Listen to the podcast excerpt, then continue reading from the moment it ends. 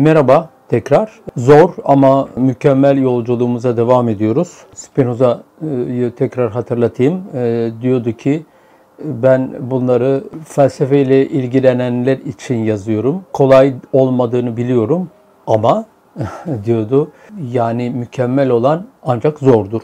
E, dolayısıyla e, felsefeciler için e, ve mükemmele, mükemmelin arayışında olanlar için, ebedi mutluluğun yolunda olanlar için zorluğa katlanmalarından başka bir yol yok. Bir şey tekrar söylemek istiyorum.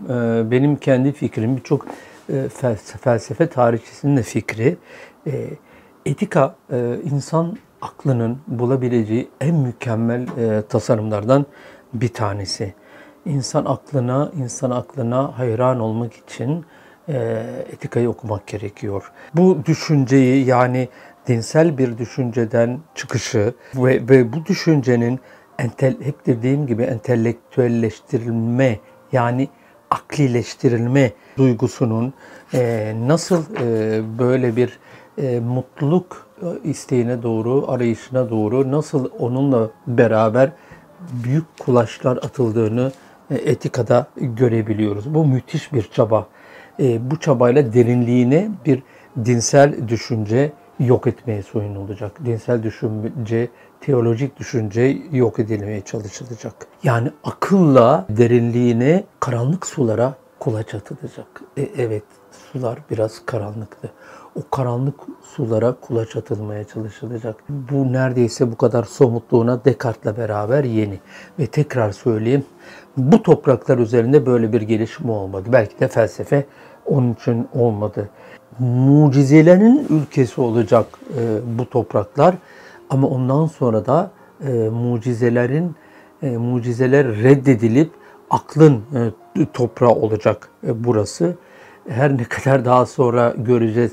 Levinas mucizelere, mucizeler ne kadar mucizevidir ki herhangi bir e, somut tasarıma ihtiyaç duymadan kabul edilebilir dese de Spinoza daha Levinas'tan 300 önce 300 yıl önce diyecek ki e, Levinas'a e, üstad diyecek ben bunlara ben bu mucizeleri mucize olarak kabul etmiyorum e, diyecek.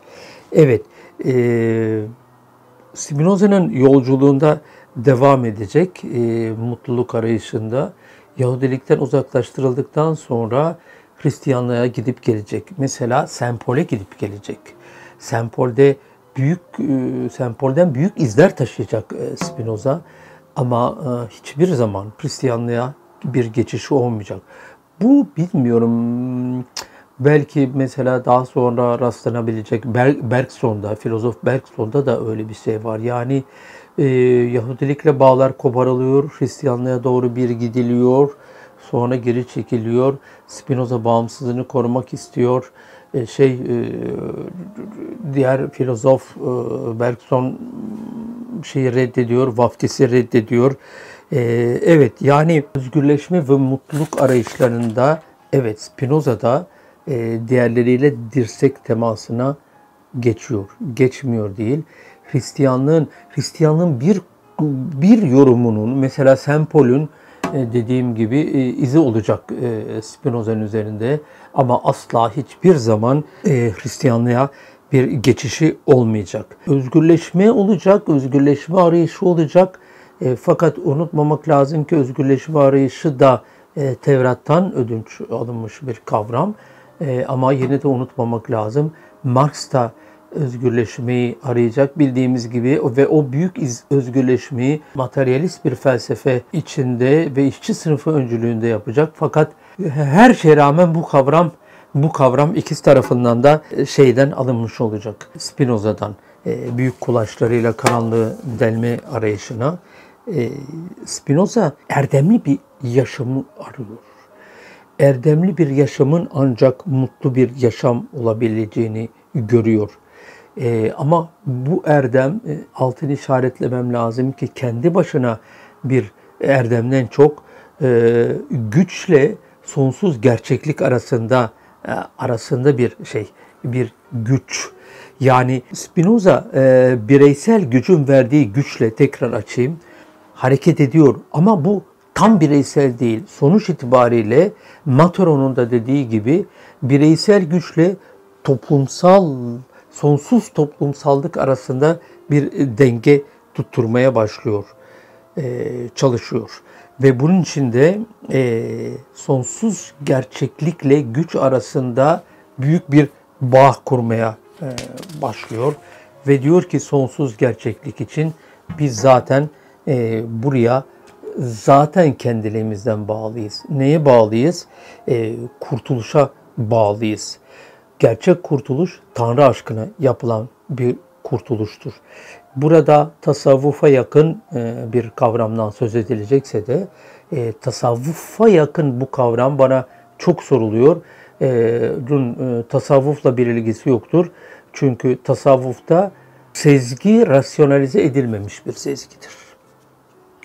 Yani Spinoza'nın sezgisel ayağıyla benzetebilirsek tasavvufu bile kartezyen ayağını yani radikal e, radikal rasyonalist ayağını benzetemeyeceğiz. Dolayısıyla teolojik düşünceyle herhangi bir ilgisinin e, olmadığını düşünüyoruz. Bir, ikincisi sonsuz özgürlüğün olmadığı bir yerde de bağımlılık olduğundan e, ve tasavvuf eninde sonunda her şeye rağmen irrasyoneliteyle bir bağ olmadığından, özgürlükle ve bağımsızlıkla bir ilgisi olmadığından e, Spinoza'ya göre burada mutluluk olamayacağına göre bu anlamda da tasavvuftan çok farklı bir yerde duracağını söylemek istiyorum size. Evet şimdi e, bu yine dinsellikten rasyonel ayrımla e, Spinoza'nın nasıl e, yol aldığını görmek için size Agnon, e, ünlü Nobel'li yazar Samuel Agnon'dan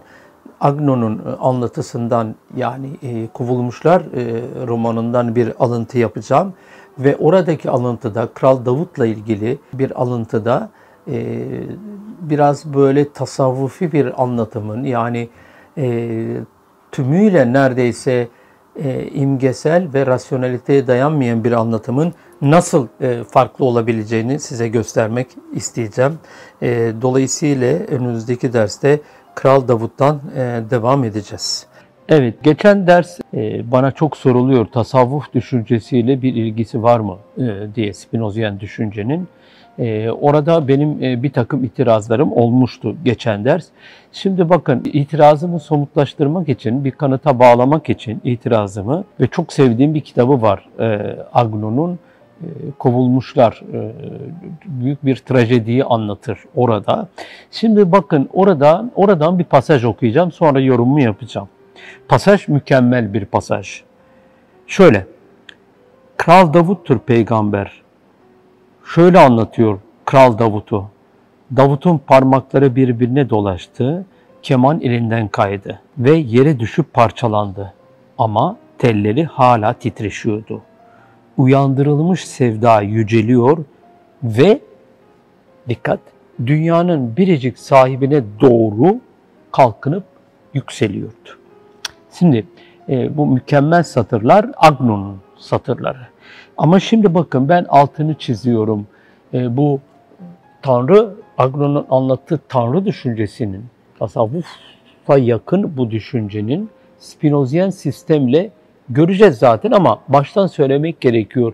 Spinozyen sistemle nasıl e, büyük farklılıkları var onu göreceğiz. Hemen şimdi onun kanıtlarını söylüyorum. Bakın ne diyor?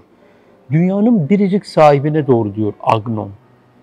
E, sahip olan yerde biliyorsunuz ki e, Hegel'e göre bir de köle vardır. Bu böyledir. E, şimdi eğer sahip varsa bir de sahip olmayanlar vardır. Sahibin e, yani tebaası vardır en hafif deyimli. E, devam ediyor anlatmaya e, şey Agnon. Devam ediyorum alıntıya. O zaman e, yani uyandırılmış sevda yükseldiği zaman e, dünyanın biricik sahibine doğru diye devam ediyor. Devam ediyorum. O zaman müritler yerlerinden kalktılar ellerini birbirlerinin omuzlarına koydular ve seslendiler. Ah kardeşim, ah canımın içi diye seslendiler. Sıra oldular, dans ettiler. E, öylesine dans ettiler ki, öylesine büyük bir sevdayla dans ettiler ki, devam ediyor Agnon, papuçları ayaklarından fırladı. E, devam ediyor Agnon, gönlümün sevgilisi, gökyüzündeki peder, o da onlarla birlikte dans ediyordu. Devam ediyor Agnon ve sonra gece yarısı yaklaştı. Kutsal adam gök kubbesine doğru yükseldi. Büyük kapı açıldı ve kentin sürgünündeki sarayından dışarı çıktı. Şimdi Agnon 60'lı e, yılların e, Nobel'li edebiyat e, ödüllü kovulmuşlardan birkaç alıntı yaptım arkadaşlar. Şunu anlatmak için bu büyük bir aşk olarak, büyük bir sevda olarak ihtiras değil. Büyük bir aşk olarak anlattığı aşk Tanrı aşkı. Ama Tanrı e, altını çizdim biraz evvel sahip olan e, sevgili buradaki sevgili öyleyse sahip olanın altı çizildiğine göre buradaki sevgili teolojik bir sevgili. Buradaki sevgi özgürce kendi tahayyülüyle insan aklının bulduğu, bulabildiği bir sevgili asla değil. Ee, tekrar buradaki sevgi egemenlik içinde olan bir olunan bir sevgi, bir sahipe duyulan bir sevgi, egemen olana duyulan bir sevgi. Ee, burada da e, Agnon'un anlatısında da işte bir mutluluk anlatılıyor. Ee, bu mutluluk ama bu mutluluk kendi dışında olanda e, anlatılan bir mutluluktur geçen derslerde söylüyorum, aynı kavramı geçen derslerde kullandığım, e, nedeni kendinde olanın e, kendi içinde aradığı bir mutluluk değil. Dışında olanın, dışına bir ihtiyaç var. E, buradaki sevgili e, dışarıdaki birisi. Bizim de gündelik anlamda kullandığımız sevgiliye ile kesişiyor değil mi? Orada da mutluluk dışarıdakinde aranır. Kendinde değil. E, bunu hepimiz biliyoruz. Mutluluk dışarıdakinin bize bakışına göre değişir.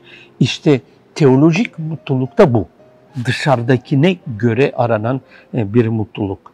E, dolayısıyla Spinozyen bir mutluluk değil. Çünkü kendi tahayyülümüz yok işin içinde.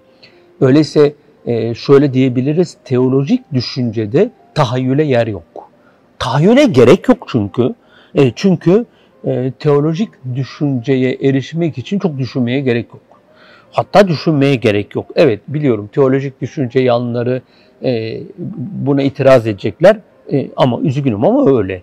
E, evet yani Spinozyen düşüncede ise Spinozyen düşüncedeki kutsal ise Spinozyen düşüncedeki Tanrı ise tasavvuftan da Agnon'un anlattığı sevgiliden de e, ayrılan bir e, şekil.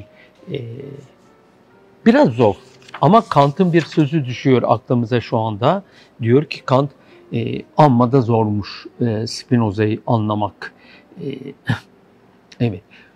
Entüisyondan bahsetmiştik. Evet burada bu anlamda entüisyon, sezgi biraz zor Spinoza'nın anlattıklarına e, tercüman olabilir miyim, olabiliyor muyum bilmiyorum. Tekrar ediyorum. Spinozyen sistem olmayan sistemde, teolojik düşüncede nedensellik dışsal bir nedensellik. İnsana bu e, dışarıdan geliyor. Tabiata bu dışarıdan geliyor. Kendinde olan neden yok.